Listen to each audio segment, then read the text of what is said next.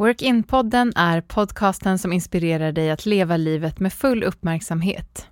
Här utforskar jag, Gabriella Picano, tillsammans med intressanta gäster, hur man kan träna sina mentala och själsliga muskler. Podden som djupdyker i hur du kan må bra inifrån och ut. Vad betyder det att leva ett närvarande liv? För mig betyder det att leva livet på sina egna villkor och utanför ekorrhjulet. Att det man gör kommer från sitt egna hjärtas längtan och inte från en massa måste, borde och man ska ju.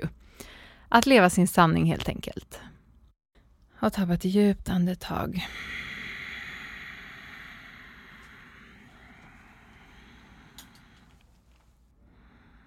Mm.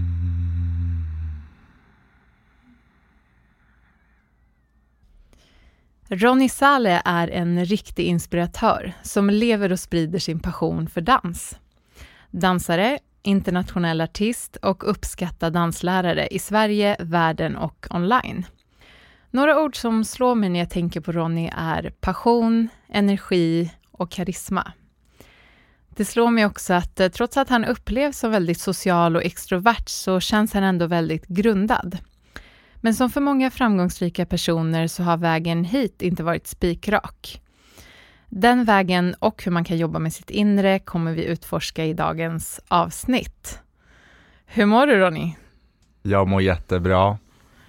En ära att få ha bjudits hit till din studio och få vara med i din podd. Tack, vad kul att höra. Ehm, jag tänkte, jag brukar fråga varje gäst, eh, ta ett ord för att beskriva din känsla du har idag, eller en känsla du har den här veckan kanske. Närvaro. Närvaro, Mm. fint. Mm. Det är det hela podden handlar om, så då kan vi komma Jackpot. sen till hur, hur kommer vi dit, hur lär vi oss det? Men vilken fin känsla att ha, den är härlig när man lyckas komma dit. Mm. Så hur har dagen sett ut innan du kom hit?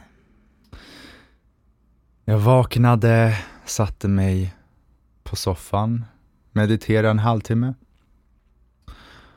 Och 20 minuter lyssnade jag på Eckart Tolle Mm, som, eh, som har skrivit The Power of Now. Så jag lyssnade på en 20 minuters meditation med honom. Nice. Eckart är bra. Ja, och sen så tog jag en kalldusch. Du är en sån där alltså. Mm, men inte varje morgon, jag vill, jag, jag strävar, men, Ja. men det är, för att ha, har man gjort det så har man gjort det värsta på, på dagen oftast. Då kan det bara bli bättre. Liksom. De, de säger det där, jag, jag vill inte, alltså jag, jag vet alla, alla fördelar, men jag, det enda jag vill är att ta en varm dusch, om jag duschar på morgonen, helst gör jag det på Mm. kvällen. Mm. Sen förstår jag grejer med att man ska, men varför ska man göra det allra värsta? Jag vill göra det allra härligaste när jag startar min dag, men jag förstår det här med mindsetet, mitt pannben kanske inte är där, men vi får se, vi får se om jag kommer dit Ja. någon dag. Ja. Men eh, du och jag känner ju varandra, ja men egentligen genom min kille som är en nära vän till dig och det som eh, connectar oss alla tre är ju faktiskt eh, dansen. Mm. Så mm, du kan ju beskriva kort, vad sysslar du med idag? Jag dansar på heltid. Så det innebär att jag försörjer mig helt på dansen. I form av eh, helgkurser, helgfestivaler internationellt, onlinekurser i dans också som jag har spelat in i, min va- i mitt vardagsrum som jag har gjort om till dansstudio. Snyggt. Vi dansar, jag dansar ju bachata och lite salsa Mm. och du dansar ju även kizomba Mm. som jag inte dansar än, men jag älskar musiken. Jag tänker att det kanske blir mitt nästa steg. Mm. Och sen är det, är det Fox, Precis. det är de, eller har Ja. jag glömt dem? Nej, det stämmer. Och jag har utvecklat något som heter Fox Kiss. Just det, Där jag blandat in kizomba in i foxen. Coolt. För de som inte dansar kan vi säga att det här är latinamerikanska pardanser, om vi ska liksom kategorisera. Ja, kizomba Ehm, är afrikanskt Just det, i grunden. Men de andra, de andra är det, Mm, precis. och, Och, foxen är svensk tror jag. och hur skulle du beskriva den blandningen av Fox och kizomba? Det är ju ganska, då är det ganska stor kontrast, eller? Det är inte det faktiskt. Fattningen och hållningen är ganska lik. Mm. Det som skiljer är musiken, eh, men också hur man tar sig över dansgolvet. I foxen kan man inte gå mot dansriktningen utan man dansar i en cirkel liksom eh, Mhm. i en riktning. Så Mm. i Kizomba är man mycket mer fri så att man kan dansa bakåt, framåt, sidan så, och så vidare. Så att, Mm. eh, mm.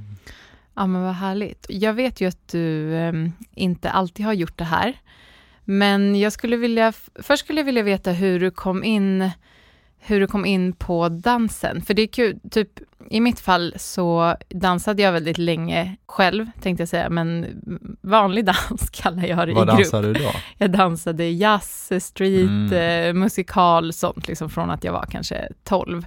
Mm. Och, eh, men jag ville alltid testa salsa, men jag tyckte det verkade lite läskigt med, med pardans och hela Varför då? Ja, bra fråga. Nu, nu blir du the interviewer. Nu är jag som Åh intervjuar nej, nu får jag min egen, smaka på min egen medicin. Nej, jag tror att jag, jag tänkte att så här, jag måste ha någon att dansa med. Jag måste känna en, en kille jag ska gå dit med. med att jag visste inte dels att man kunde bara gå dit och så Mm. kunde man få, alltså man roterar ju så man dansar ju med alla. Så det var väl det som var lite motstånd och sen, eh, ja, jag var lite feg bara tror jag. Men sen så kastade livet in mig i eh, salsa när jag, var, när jag bodde en period i Spanien och tänkte så här, äh, men nu är det bra chans, nu kör jag bara. Um, stackars alla som dansar med mig då, för jag kunde jag visste ju inte här, första gången någon bara, ah, det är höger fot du ska ta bak, jag bara okej. Och sen så tog jag lite kurser och då var det ju jättekul med pardans, samtidigt som det var väldigt svårt att släppa kontrollen. Jag som också är Mhm. eh, gruppträningsinstruktör, väldigt Mm. van att här, säga åt folk vad de ska göra Ja. allt måste vara i takt. Eh, så det är jätte, liksom förutom dansen, att det är roligt och kul att lära sig, så är det en så bra övning för livet tycker jag, att släppa kontrollen, speciellt om man är dansar som följare då. Ehm, så att det, det var som att dansen alltid fanns, men sen upptäckte jag den här världen och då insåg jag också vilken stor värld det var i Sverige, för jag tänkte att ah, men det här med salsa, bachata, det är inte så stort i Sverige, det finns inte så mycket. Klipp till, jag var ute och dansade varje kväll, typ måndag till söndag. Nej, Nej men nästan, när jag Ja. väl började. Det finns ju jättemycket. Men eh, det var min story. Jag undrar hur du upptäckte dansen. Jag har alltid varit underhållaren i familjen. Mhm. No shit, det kan jag tänka mig. Ja, men alltså när vi haft gäster på besök och sådär, det är all, alltid jag som varit där och du vet. Mm. Det, det fanns ett pro, pro, program som hette Små stjärnorna när Ja, man ja. var yngre. Jag sö, sökte till, till det, kom all, aldrig med. Åh. Sen en vecka, när jag var 11, så kom Tony Irving till vår skola Mhm. och skulle ha en buggvecka hos oss. Och på fredagen var det fin finalen då, tävlingen där alla skulle, där en vinnare skulle koras. Och uh, jag var ganska duktig på det där. Alltså jag hade testat lite breakdance och hiphop, men kanske någon klass här och var när, när, när jag var ung sådär. Men jag fullföljde ald, aldrig det. Nej. liksom. Men när, när, när vi fick lära oss bugg den veckan, det, det var så kul. Och det, det föll sig väldigt naturligt för mig. Så det var första gången jag kom i kontakt med pardans. Jag kom dessvärre tvåa på den tä- nej. tävlingen och det har följt, följt mig som ett mörkt moln. Är det så? Hur gammal Ja. var du sa du? Nej, jag skojar. Nej, det, Det var- var, det var det var, stort kul. trauma. Det var tråk, tråkigt att man inte vann, men det, det, det var väl där det började, började liksom. Ja, men du var liten. Vilken klass Jag var? 11, så Ja, jag gick i var elva. femman. Okej, ja. Men sen efter det så, ingen dans. Tills det att jag började plugga till logoped Mm. i Umeå universitet. Mhm. Och där uppe är ju logdansen väl, väl, väldigt popul, populär va, med dansband, band och Ja, allting. mysigt. Så vi skulle på en hemmafest en kväll. Och så hamnade vi på ett dansbandställe. Och så såg jag par dansa med varandra, kanske var ja, men 20 par på dansgolvet. De gnussade som det he heter, panna mot panna. Mm. Gulligt. Ja. Och jag var så här, åh, vad, vilket fint ställe att häm, häm, hämta sin flickvän på eller någon, någon, någon man är gift med eller du vet, sådär.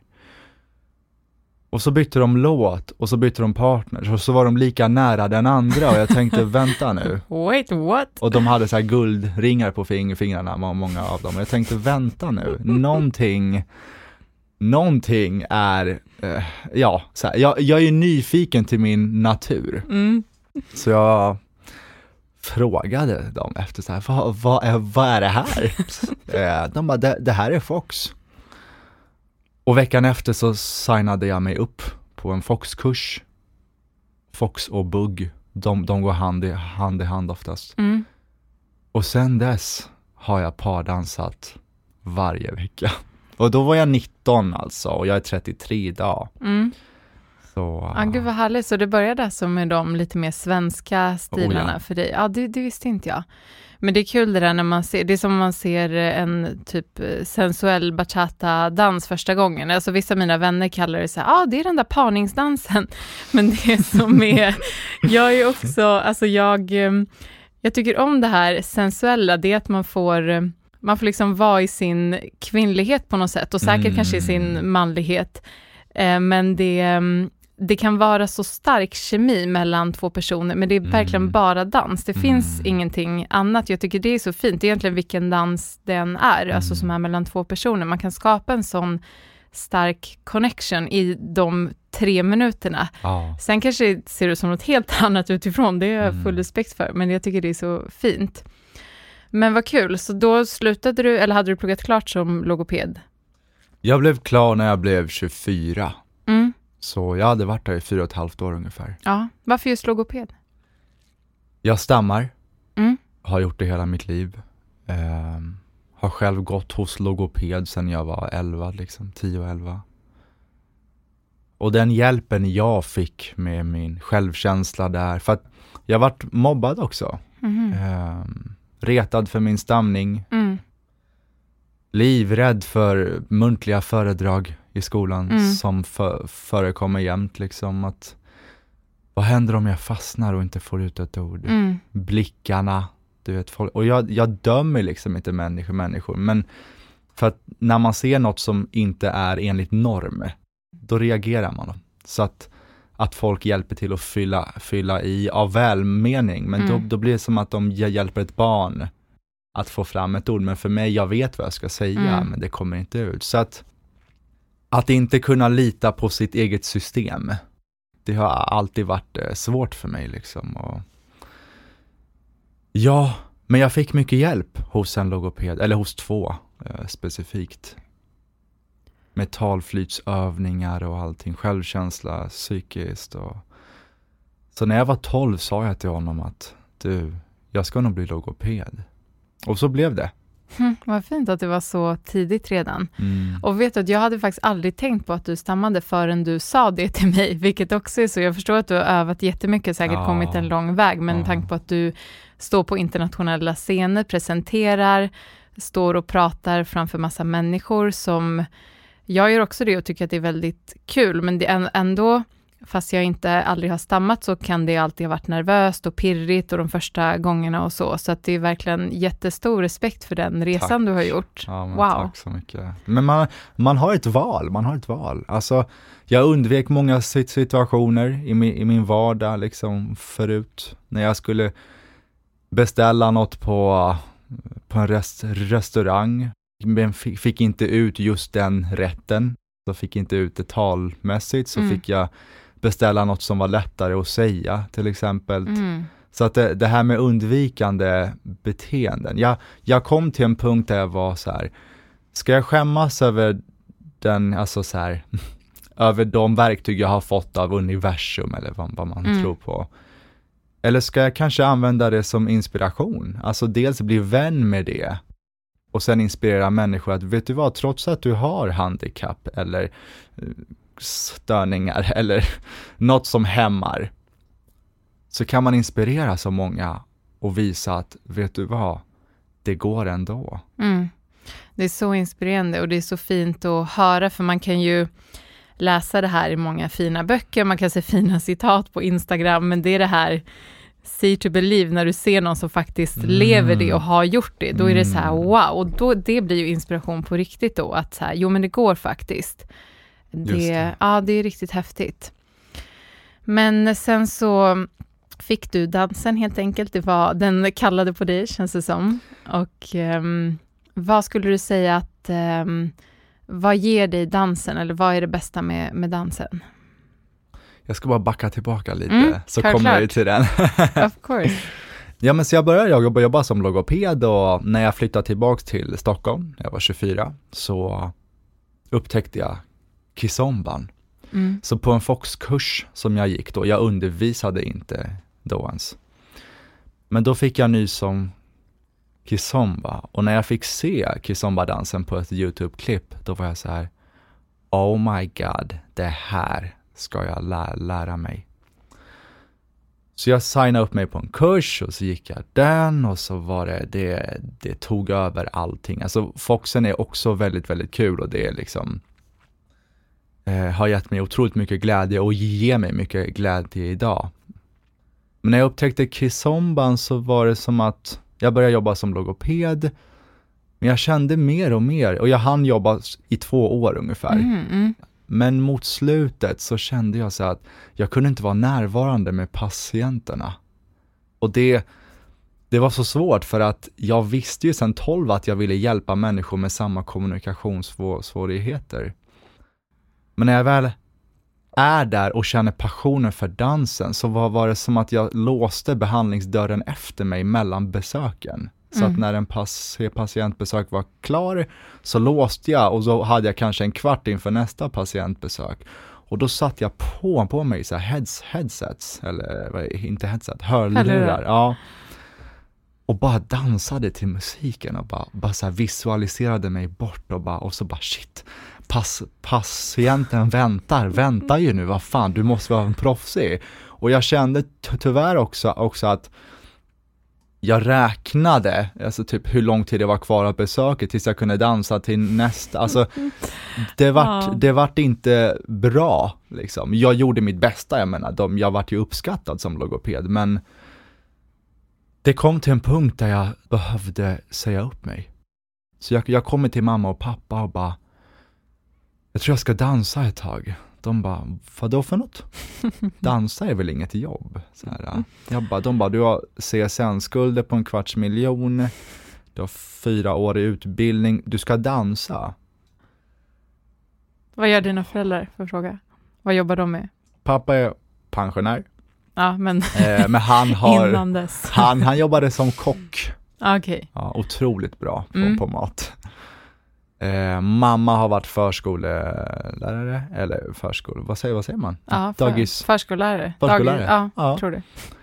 Eh, och nu jobbar hon med äldre eh, och ska också gå i en pen- pension snart. Mm. Ja, jag tänkte om de inte hade varit inom kreativa yrken, hur de, hur de såg på att jobba med dans och Ja, så. nej, precis. Inge, inget sånt alls. Nej. Men jag har haft en inre röst. Min, min inre röst är så stark. Och när jag går in för någonting är det hund- 100% eller ingenting. Och de, de sa så här, men du, du kanske kan jobba 50-50. Jag bara, jag är inte lagd så. Nej. Utan jag kör, misslyckas jag, eller eh, lyckas jag inte, eller att det inte blir, för att misslyckanden finns egentligen inte. Man Mm. upptäcker bara, bara saker längs eh, processen. Men jag kände så här, om jag, om jag blir 90 så vill jag tänka tillbaka, inte på det sättet att vad hade hänt om jag hade vågat hoppa? Nej. Utan mer, jag jo, gjorde det och det gick så här. Det är så fint sätt att se det. Också det här med misslyckanden. Jag har övat på det speciellt de senaste Mhm. åren, att inte tänka så här, ja, jag testar det här, ja, jag misslyckades. Alltså, eller se misslyckandet som en, som en gåva, eller det kanske låter pretentiöst att säga, jag är så tacksam att jag misslyckades, men snarare som du sa, som en del av processen, att säga, okej, det var stopp där, men då får jag svänga höger eller svänga vänster, Just så kommer nästa hinder.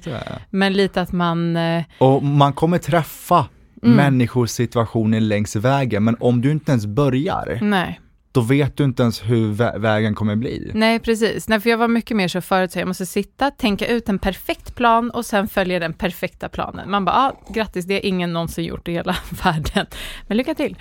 Eh, utan snarare att börja någonstans, sen kommer det lösa sig, sen kommer du hitta sätt och, och blir det Mm. inte det, och ska ganska ofta som för dig det var med logoped, man Mm. börjar någonting som man trodde Mm. var vägen och sen Mm. måste man under tidens gång, du kände det där med dansen så starkt, då får man också släppa hela det man hade byggt upp, att Ja. man trodde, man hade pluggat CSN och hit och dit, då är det bara, okej, Nu, är, nu är det så här. ja exakt, Och det, det finns en närvaro i det.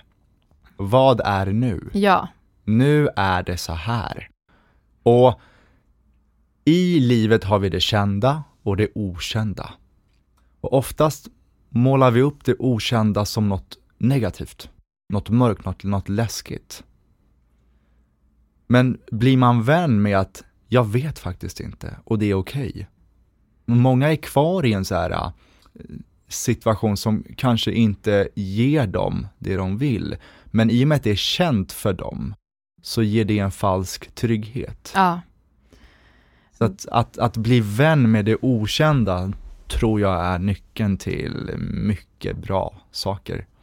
Har du varit så här klok sedan du var 12 eller? Skulle bli logoped? För det låter som att du är väldigt, ja men typ det här med närvaro, det finns bara det som är nu. Känner du att det är lätt för dig att se saker så? För jag kan hålla med dig i det, men jag kan ha svårt ibland att mitt, um, ja, men den jag trodde att jag var, eller det jag tänkte att jag trodde att jag skulle göra, mm. att det är mm. svårt ibland att släppa det. Mm. Eller speciellt förut, nu har jag övat mer och blivit bättre, men det är inte lätt. Tycker du att det kommer lätt för dig att tänka nej. att, nej, vad bra, skönt tack. Nej, nej. Alltså närvaro är en färskvara. Mm. Jag, jag kan ha haft de djupaste av meditationer för, för ett halvår sedan. Det innebär inte att jag kommer att ha bättre meditationer efter det, liksom. Är mm. du med? Mm. Utan när man säger så här, jag mediterar, då, då är det något man, man sätter liksom en prägel på något man gör. Mm. Jag gör det här, men meditation är mer var, var, var, varande liksom. Något du är. Så att jag försöker att minska på så här, jag mediterar fem gånger i veckan, mm. för det är någonting jag gör. Men jag, jag har inte hit, hittat ett sätt att så här, jag försöker att bara vara fem gånger i veckan. Ja. Uppleva. Jo, men det, mm. det är precis det jag utforskar med alla gäster, det här att leva livet med full uppmärksamhet. För jag har själv tänkt, jag vet att jag inte gjorde det för några år sedan. Jag mm. levde mer så här, jag levde på, jag checkade av, jag gjorde massa saker samtidigt. Jag var Vad var vändpunkten? Um, alltså det var inte ens så här, och där vaknade jag upp för att något drastiskt hände. Jag tror att jag, blandning av att jag så här, blev trött på min egen bullshit, kände att så här, jag blir trött, jag blir stressad, det här splittrade, det är verkligen inte för, för mig. Um, när man skämtar om att man alltid skriver sitt CV så här, jag gillar att ha många bollar i luften. Nu är det så här, gud snälla, jag vill ha max en boll, kanske en inte ens det. En stor boll. En stor jäkla boll som ska ligga i knät, jag vill inte ens hålla i den. Jag vill inte göra massa saker samtidigt, det finns liksom inget Tack. värde i det, men jag tror att det där håller kanske på att ändras också. Det var ju så här när man typ, mm. jag vet inte, sökte jobb som receptionist och bara, jag kan svara i telefon samtidigt som jag checkar in någon och svarar ja, på ett mejl. Ja. Så jag tror att det var, jag blev lite trött på att säga, det här ger mig inte, jag, jag känner mig trött, stressad av den här livsstilen. Sen hade jag en annan karriär och en annan typ av jobb, men eh, det var kanske när mitt intresse för träning och hälsa och det väckte, så jag började jobba mer med det, så har jag successivt under åren också blivit mer accepterat att saker kan gå lite långsammare. Jag kan hinna färre saker i livet, men göra det med kvalitet. Så att om mm. du och jag nu, nu sitter vi och pratar i en podd, men säg att vi sitter och fikar, då vill jag vara med dig. Jag vill ha ögonkontakt, jag vill känna att jag minns vad vi pratade om. Inte att jag hela tiden satt med telefonen för att jag skulle svara på något sms eller kolla Instagram. Då är det liksom inte värdefullt. Då kanske jag hellre ska träffa dig i 30 minuter med kvalitet om jag har så himla mycket saker jag måste kolla på mm. Instagram eller vart det är. Du känns närvarande. Vad bra. Mm. jag har övat, som sagt, det är träning, work in, det är träning. det är det jag säger till mina klienter, de som tränar med mig, att precis som du tränar fysiskt, precis som du måste träna för att hålla dig i form för dansen och så, så måste man träna på det här med meditation och närvaro. Och jag brukar också skilja, som du sa, när folk säger jag måste meditera, ah, jag måste skynda mig att meditera, jag måste meditera, det blir en prestation då, då blir det ett måste och meditation, absolut, det är en, jag ser det som en aktivitet, men det är ändå ett, ett stadium du är i, liksom ett varande, precis som du säger. Sen kan du göra du kan göra meditativa aktiviteter. Dans är väldigt meditativt mm, för mig. Eh, att mm. springa i skogen är meditativt, men det är inte stilla. Och sen kan du också göra saker med full uppmärksamhet. Du kan vara i ett möte, du kan eh, äta en maträtt eller titta på en film. Det handlar om att göra någonting då, att vara mindful eller medveten, kanske man skulle översätta det på svenska. Mm. Så det, mm, det är intressant det där hur man kan leva eller uppleva livet, eller snarare uppleva det eller överleva det. Ja, just det. det finns lite olika... Mm. Jag, jag fastnade för din work, ditt, work-in-namn. Ja, vad kul. Det var så, uh, man har ju hört workout så länge. Och så bara work-in, självklart. Ja. Just det, tack. Ja, och det är många som använder den. Nu är inte jag som har hittat på Nej, det. jag, men trodde, jag trodde du var skap, skaparen. Men det, I- det, I det gör ju inget. Ja, men det, det var fint. jag har trademarkat för mitt eh, varumärke. så- Yes. Nej, men jag gillar det att, precis, det blir så enkelt att tänka workout, det är alltid yttre, det du liksom tränar, svettas ut, Mm. allt den fysiska träningen, eh, som också kan vara meditativ, men work-in är det inre jobbet, just för att påminna oss om att det är en träning, det, det kommer inte av att jag bara sätter mig, tänder en rökelse och så kommer den här inre lugnet bara infinna sig. Det hade varit skönt om det var så. Mm. Men Fast det är, träning. det är så för, för mig. Är det så? Nej, jag skojar. Fast sluta, Nej, du, nej, du får nej. gå när vi byter här. Men eh, du mediterar ju en del, har jag känslan av. Mm. Mm. Vad, vad betyder meditation för dig?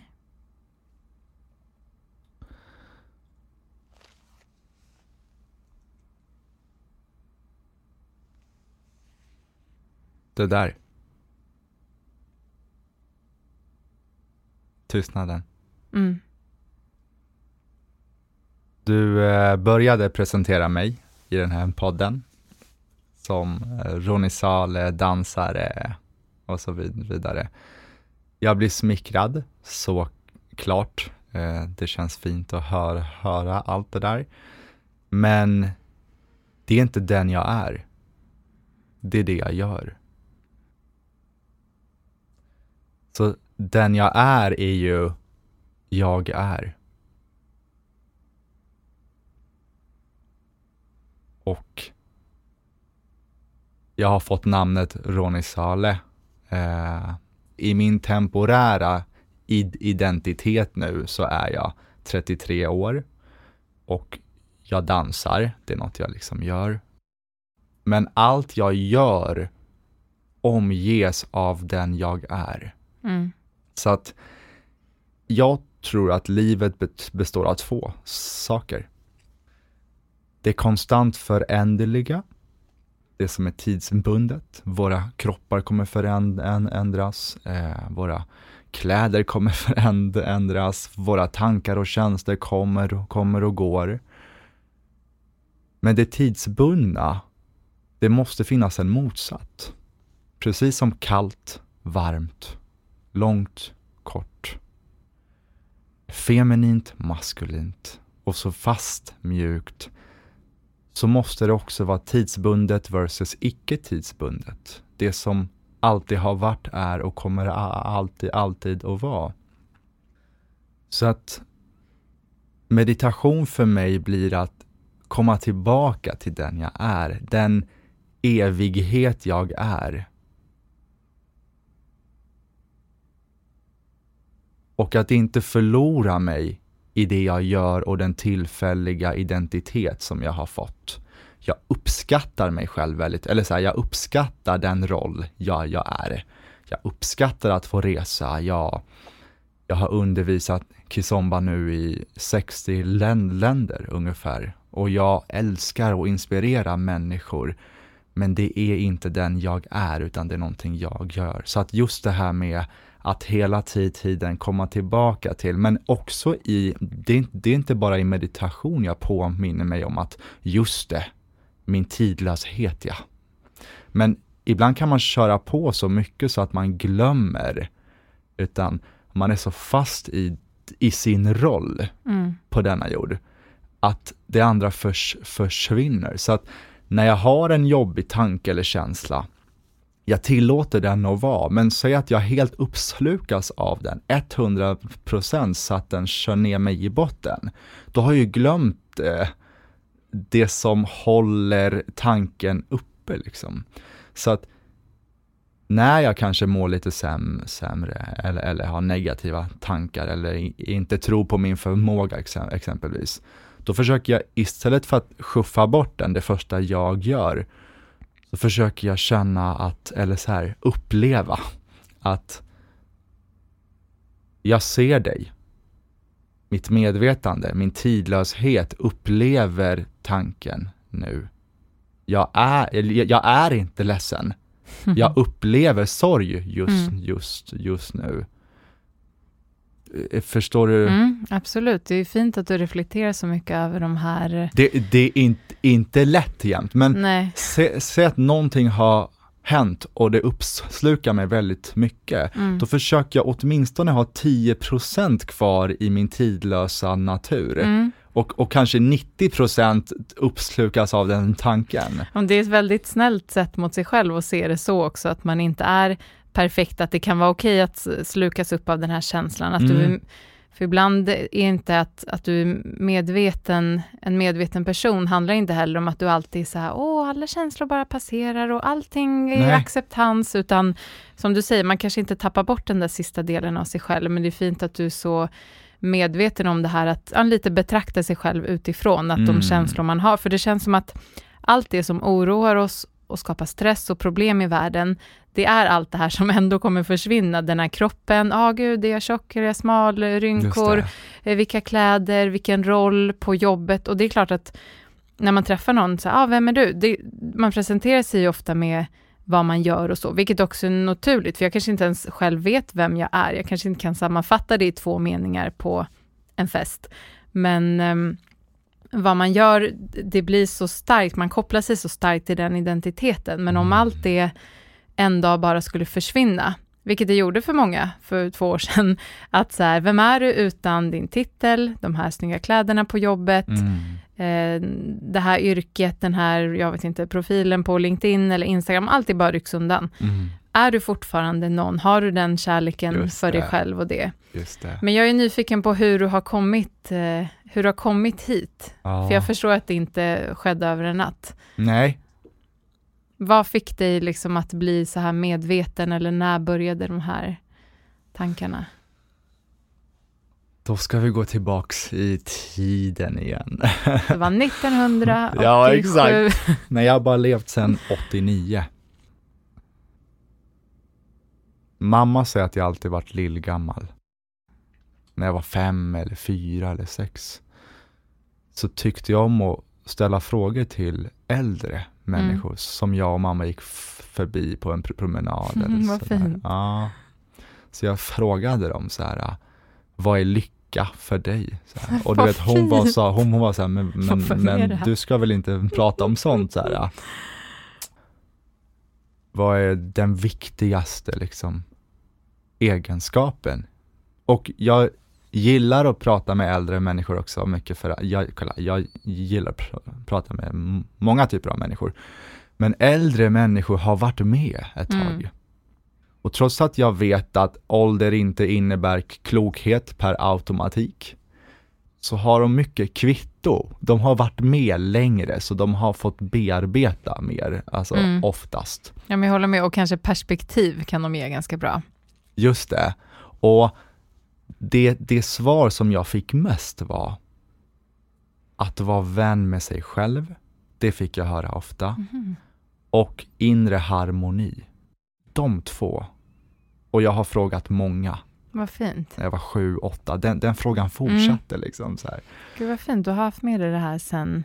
Ja, Du var en gammal själ redan. jag tror, ja. tror det. Ja, men så kan jag också känna att jag Mm. är. Att det, det liksom inte kommit så här ett eh, spirituellt uppvaknande som vissa kan ha. Att det kanske är väldigt, man lever väldigt omedvetet om man kan säga så. Mm. Och sen händer det någonting som att man gör att man helt omvärderar sitt liv. Mm. Men eh, det känns som du är så väldigt eh, mm, du har processat det här genom dig tror jag mycket för att du kan, kan formulera det och det känns som att du kan coacha dig själv väldigt fint. Det är det intrycket jag får i alla fall. Alltså Sen förstår jag att det inte alltid är lätt. nej, så här, när, när vardagen kommer, kommer in, jag menar, jag, jag, jag, jag påminner, som sagt var det är en färsk var, var, vara. Jag skulle absolut inte säga att jag är där jämt, Mm. är du med? Så.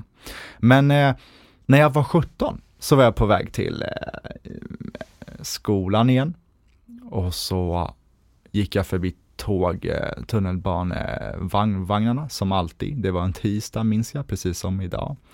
Eh, det är tisdag idag va? Mm. Ja. När jag gick förbi första vagn, vagnen där, det var gam, gamla tunnelbanorna, de här sju Ja, de här som vagnarna. låter Så, ja, exakt. Ja. Luktar illa.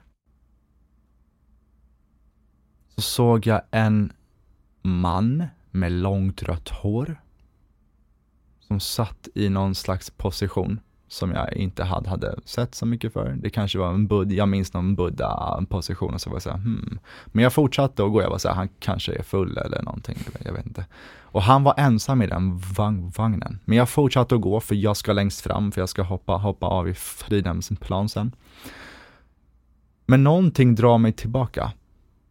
Nyfikenheten, jag vet inte vad. Mm. Sökaren i mig.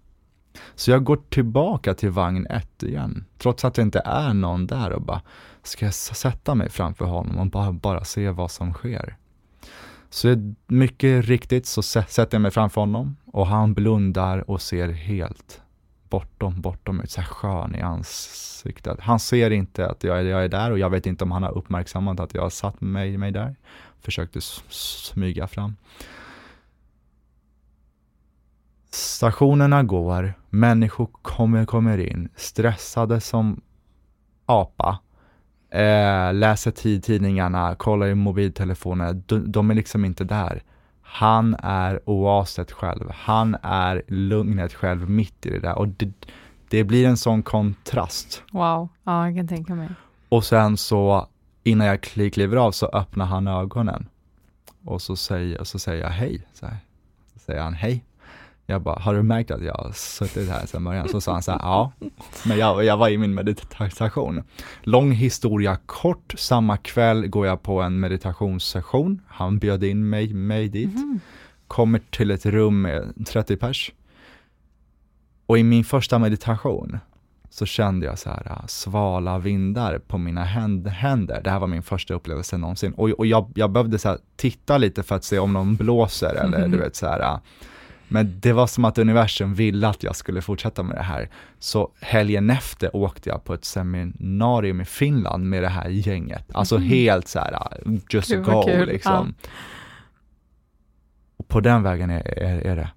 Gud vad fint, tänk vad ens nyfikenhet kan ta en. Hade du bara satt i en annan vagn, sen tror jag ofta man får av universum det man behöver i den stunden mm. och att bara att du sa hej till honom du hade bara kunnat säga, åh, där satt han, det såg fint ut och gått av. Så hej till mm. honom öppnade kanske en helt ny värld för dig just då. Det kanske hade hänt annars, men kanske lite längre fram. Ja.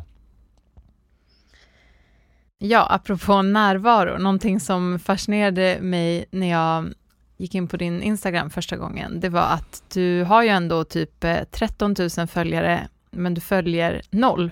Det är ganska iskallt. Det är, det är lite kaxigt. Mm. och jag fattar att det finns en eh, tanke bakom, men eh, jag tänker så här, du, i ditt jobb så du, behöver, du marknadsför dig, du lägger ut saker och sådär. Men vad skönt ditt flöde måste vara när du går in, för det finns inget. Då kan du aktivt välja mm. vad du går in på. Berätta om din strategi. Ja, jag menar ju inte att vara dryg. det vet jag. Jag tycker det är coolt. ja, men det, det är en bra fråga. Innan jag började dansa på heltid, då tog jag faktiskt bort alla sociala med medier. Mm. Jag kände mig all, all, allt för uppslukad det är lite beroende, dopamin. Eh, mm. Så, sådär. Så att Tycker jag kände, ja, ja, ja, precis. jag, håller med, mm. jag håller med. Så jag kände så här, det gör inte min själ gott. Liksom. Men sen när jag började dansa så förstod jag att det är så här man når ut. Liksom. Och nu har jag kommit fram till att jag tycker om att inspirera människor det var ett tag långt bak i tiden, typ kort efter att jag hade upptäckt meditationen, att jag ville bli munk. Mm -hmm. Så jag övervägde faktiskt att bara, bara dra liksom. Och... Men sen så kände jag, nej jag tycker om att dansa för mycket, liksom, förstår du? Mm. Eh, och jag vill vara kvar och inspirera liksom. Så att eh, jag ville vara i kaoset. Jag fattar. Så, men tillbaka till, ja. Jag följer inte någon för, för att jag känner att om jag vill se någonting, då vill jag att jag går in och tittar. Om jag är nyfiken på, på någons resa eller en, en vän, då kommer jag själv söka och gå in. Men när man går in på feeden idag, då bestämmer den vad man ska se. Alltså jag, mm. jag blir sån, så passiv i vad som når min näthinna, min själ, min, eh, här, min uppmärksamhet. Och från det att jag vaknar på morgonen tills att jag lägger mig så har jag ungefär 100% en energi att välja hur jag ska distribuera det. Och om sociala medier tar 50% för att feeden bestämmer vad jag ska se, den kommer ihåg vad jag har sett, så det, det är lite så manipulation på oss, eller ganska mycket. Mm. Då kände jag att jag vill vara herre över min uppmärksamhet. Bra disciplin. Mm. Jag håller med, man kan ju absorberas och speciellt nu är den ju verkligen, man får ju typ inte upp sina vänner, men bara massa klipp från saker man kanske inte ens bryr sig om. Och sen har man plötsligt suttit typ 20 minuter och kollat på hur man skär av kanterna på en rostmacka med ett roligt mönster typ så. Vilket kan vara bra. Ja, men som du säger, då om folk är så här, jag fattar inte hur du hinner dansa och jobba så mycket, hur orkar du? Ja, men då är ju det ett sätt att, man måste ju plocka av som du säger, man mm. har sin mm. energi, mm. man har den här som på telefonen, fulla batteriet och vad mm. man lägger det på kommer ju resultera i vad vad som händer sen. Mm, men jag, jag, jag, jag är inte jämt bäst på det. Jag, jag är slav för YouTube, känner mm. jag. Det finns så mycket intressant och kul att kolla på. Och det, mm. Men man fastnar. Man fastnar. Ja, men det är så. Det är lite en balans, för man vill ju ha inspiration. Det är ju kul och ja. även i sociala medier tycker jag, jag har hittat så mycket liksom kontakter och roliga projekt och uppdrag och så och vänner, men det gäller att hitta balansen från att det blir inspiration till mm. att det slår över och du bara antingen sugs in och slösar massa tid mm. eller också absorberar massa energi som inte är din kanske. Men du som också, du reser mycket i ditt jobb och eh, precis som jag träffar väldigt mycket människor, du coachar människor, du är med folk, i alla fall under dina fysiska klasser och kurser väldigt mycket. Hur återhämtar du dig efter sådana här mycket bra fråga. Första åren var, var det ju svårt att återhämta sig. Man bygg, bygger ju något och man, man vet inte riktigt, riktigt, hur. Och det, jag känner fortfarande i, ibland så här, jag återhämtade mig inte opt, optimalt föregående vecka och det mm. påverkar hur jag mår nu idag. Liksom. Mm. Men jag jobbar när människor är lediga oftast. Så det är ett ganska tacksamt jobb. Mm. Jag, jag träffar många människor nära, nära mig som glad, gladast. Ja. Och så har jag helg när andra jobbar. Så det känns inte som att jag bor i Stockholm, att det är liksom hetsigt och för att jag tar tåg eller tunnelbana och så, när det är ganska tomt i stan. Ja. Så, så, att det, eh, vad var frågan? Jag bara pratar bort mig. Eh, vad var frågan? jo, just det, ja men hur du återhämtar dig. Ja, eh, Ja, nej men du har, ditt liv är, du får återhämtning naturligt Tack. i livet Just av att det. du inte följer allas eh, ekorrytm. Ja, ja, jajamän. Ja, mm. men meditation framför allt, alltså så här sittande meditation. Mm. Detox, social med media. Jag har ju stängt av notiser och allting liksom. Mm. Jag sätter på dem i, i, ibland. Så att folk är ganska, har varit ganska förbannade på att jag inte svar, svarar.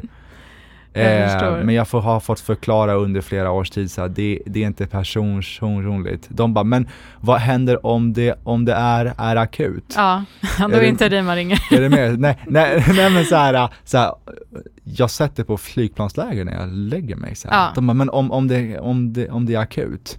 Ja, alltså det... Du bara, kom och ring på. nej, nej men så här, så att jag, jag behöver nog så här, dels minimera int intryck. Mm. Men också göra sånt som jag tycker är kul. Gå på spa, ta, jag älskar att ta bad hemma, jag har ett badkar.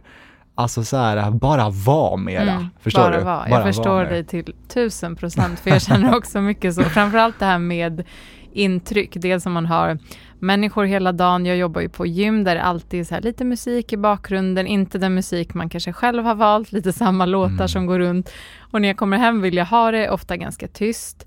När jag, I perioder jag jobbar mycket, jag säger också det, jag är liksom den tråkigaste kompisen, för jag jobbar också, jag jobbar inte helger oftast, men kvällar när alla andra kanske vill ses och sen när jag väl är ledig, då vill jag vara själv och tyst. Det. Och det är inget personligt, men Nej. det är som att jag kanske med åren också hellre träffar en vän lite mer sällan, verkligen med kvalitet. För när jag träffar någon så vill jag vara utvilad och känna att jag är där. Och att jag behöver så mycket tid, även om många av dem jag träffar på jobbet också ger väldigt mycket energi, men man mm. glömmer kanske att, eftersom det är så kul, så glömmer man att man ger mycket av sig själv. Jag, jag har alltid tänkt så här, men jag är så social och så, och den här extroverta personen, men jag laddar inte energi bland andra människor. Jag laddar energi ensam. Mm. Sen kan jag ge hur mycket som helst till, jag kan ha en grupp på Jag känner 10 igen det. pers, 100 pers. Det, jag kan Mm. ge och ge och ge, men när jag behöver vila upp mig, då, är det, då vilar jag bäst själv, medan andra människor samlar energi bland andra. Jag varit- så har jag varit sedan jag var liten, när man typ man sov över med folk och sen skulle man liksom hänga kvar hela dagen och umgås. Jag kände alltid så här, gud jag vill bara gå hem, jag måste bara få vara i min Vi egen två. lilla värld. Vi är två. Skönt. Men de två timmarna du väl är där, Mm. så är, så är du där helt och hållet. Ja, ja, då ger jag Ja. mig till hjärta och själ hjärta, till så. alla. Men sen är det så här, alltså jag vill inte ha en människa Nej. så... Nej. En annan sak för å, å, återhämtning är att jag har blivit bra på att säga nej. Det är bra. Mm. Så när jag väl säger ja, Mm. då är det ett ja. Då är det, ja. Kan du säga nej utan att förklara dig? För det är svårt tycker jag. Nej, jag har nog inte helt kommit dit, nej. Nej. Men jag börjar implementera det. Det Mm. kommer in, men nej. Ja, men det är något jag tycker vi eh, kollektivt skulle kunna öva på om någon säger så här, vill du eh, Nej. komma på middag? Nej. Nej. ja, men Nej. att här, kunna förstå att det inte är personligt. Behöver inte säga, nej jag kan inte, eller nej jag är det, eller nej jag är stressad, utan så här, nej jag vill inte. Okej.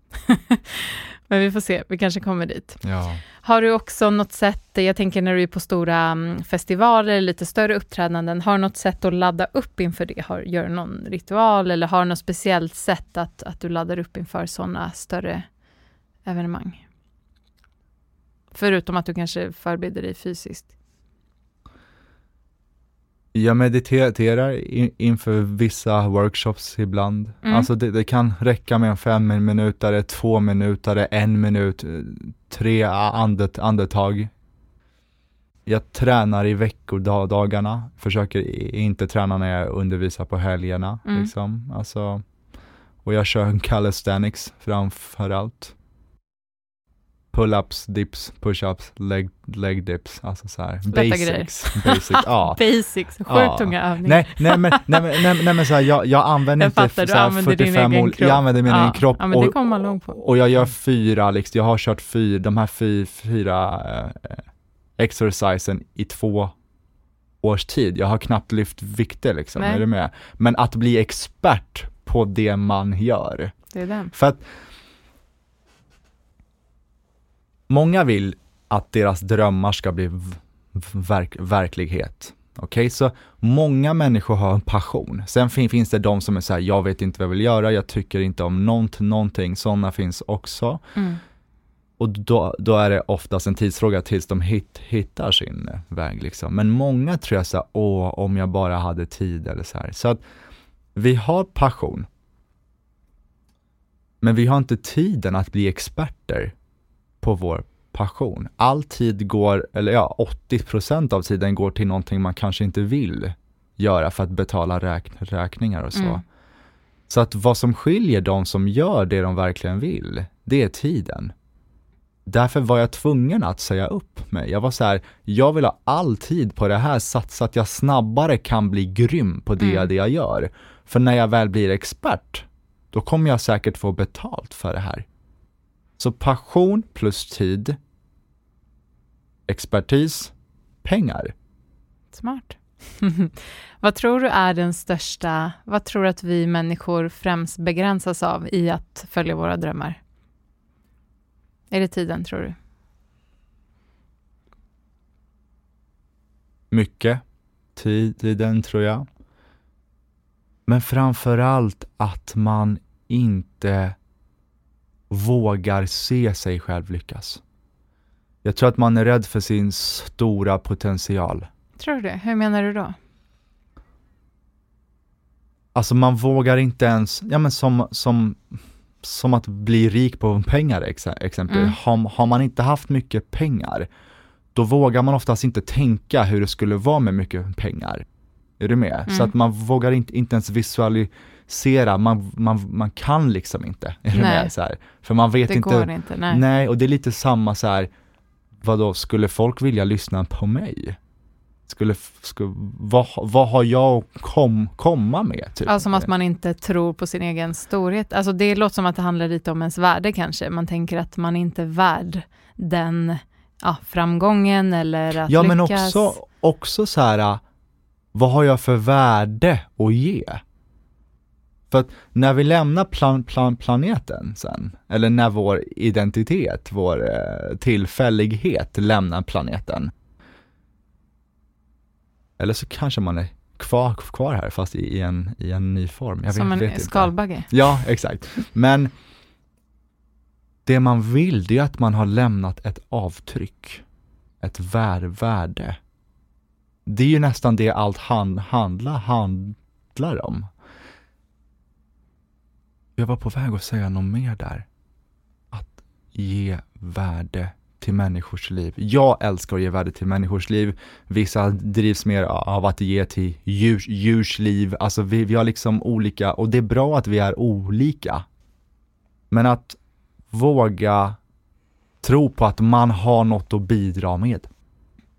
Det Jag höll, jag höll på att säga något, något någonting, smart. men, men det, det kanske klipper in kommer. det om du kommer på det sen. Kanske kommer. Nej men det är fint. Jag tycker det är fint, speciellt i Sverige där jag tror att många begränsas av jantelagen lite grann att, ja men ska vi inte tro att du är något och gör du jag kan ha de rädslorna eller tankarna ibland att ja, men jag gör det här, det finns så många andra som är duktiga och som Mm. gör samma sak. Och det Mm. gör det ju i alla branscher, men man måste komma ihåg att man gör på sitt unika sätt. Och Mm. någon vill lyssna på mig för att jag gör någonting på ett visst Mm. sätt och någon vill dansa med dig för att du är och instruerar på ett visst sätt. Det finns Mm. många andra duktiga dansare, men precis som du säger, tro på sin egen förmåga.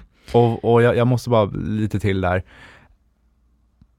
Många, många frågar så här, vad gör du som många in, instruktörer missar? Är du med? Mm. Vad är det? Vad är orsaken till, till, till din suc succé? Mm. Liksom? För det finns ju så många duktiga dansare Ja. där. Varför har du blivit topp tre Mm. i det, det du gör i vä- vä- världen liksom? Varför är du så bokad jämt? Var, varför tar festivalerna tillbaka just dig, men byter, byter ut många, många andra? Och jag tror att det det handlar om är att vara i sitt va, va, varande bland människor. Så Mm. när jag undervisar så känner människor en tidlöshet. Och De det, känner att du är där och att du är genuin. Sorry. De känner att du är där, hela du. jag är där i min tidlöshet. Jag, jag, jag, säger, jag säger ib- ibland att jag använder danssteg som en ursäkt, Mhm. som en så här, ah, distraktion. Mhm. som ett verktyg för att påminna dem om sin tidlöshet. Så jag tror må- många har gråtit på mina workshops. Mm. Eh, många k- kommit fram och bara, jag vet inte vad det är, men bara din presence väcker så mycket kän- känslor i mig. Och jag, jag, först har jag bara såhär, men varför, varför, vad, jag, jag lär väl bara ut dans. Mm. Men jag har förstått att, att vara i sin evighet väcker andras påminnelse. De kanske inte är där de, där de kan sä- sä- sätta ord Nej. på det egent, men de vet att nu är det någonting som har fått komma fram i mig. Så fint beskrivet. Jag tror som du säger, de kanske inte förstår vad som sker, men man tycker ju om de upplevelser när man blir berörd. Och man Mm. vet inte alltid så här, vad var det som hände? Det var bara en dansklass. Det är inte bara en dansklass. Nej. Det är aldrig bara en Nej. dansklass. Så fint. Jag hade kunnat eh, sväva iväg med dig i flera timmar till, känns det som. Och jag har mycket mer att berätta. Vi, vi tar ett till avsnitt sen. Det kommer, del, det kommer mer. del två om, om folk vill. Exakt. Du du får frå- fråga folk. Det kommer de. Jag ska avsluta med tre frågor som jag brukar ställa till alla. Uh-oh. Uh-oh. Det är inte så här, eh, öl eller vin, kall eller varm dusch. Nej. Kalldusch. Vad eh, drömmer du om just nu? Stort eller litet?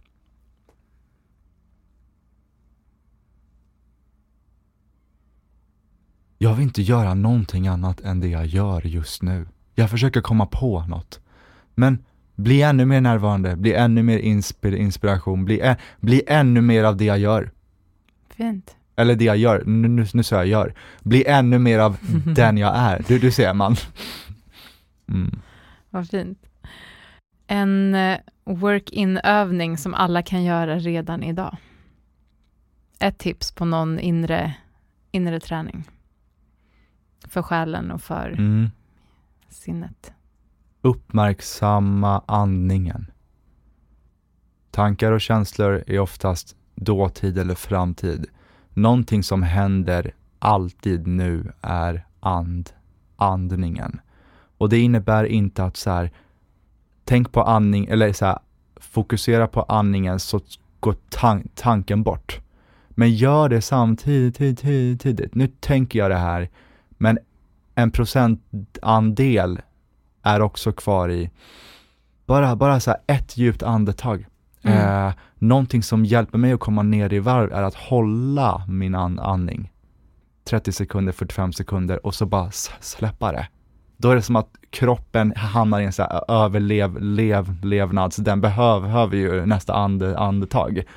Och då är det som att den går ner i varv Mm. automatiskt. Den kan inte vara någon annanstans då. Nej. Och sista, ett eh, mer långsiktigt tips som du tror alla kan göra för att må bra.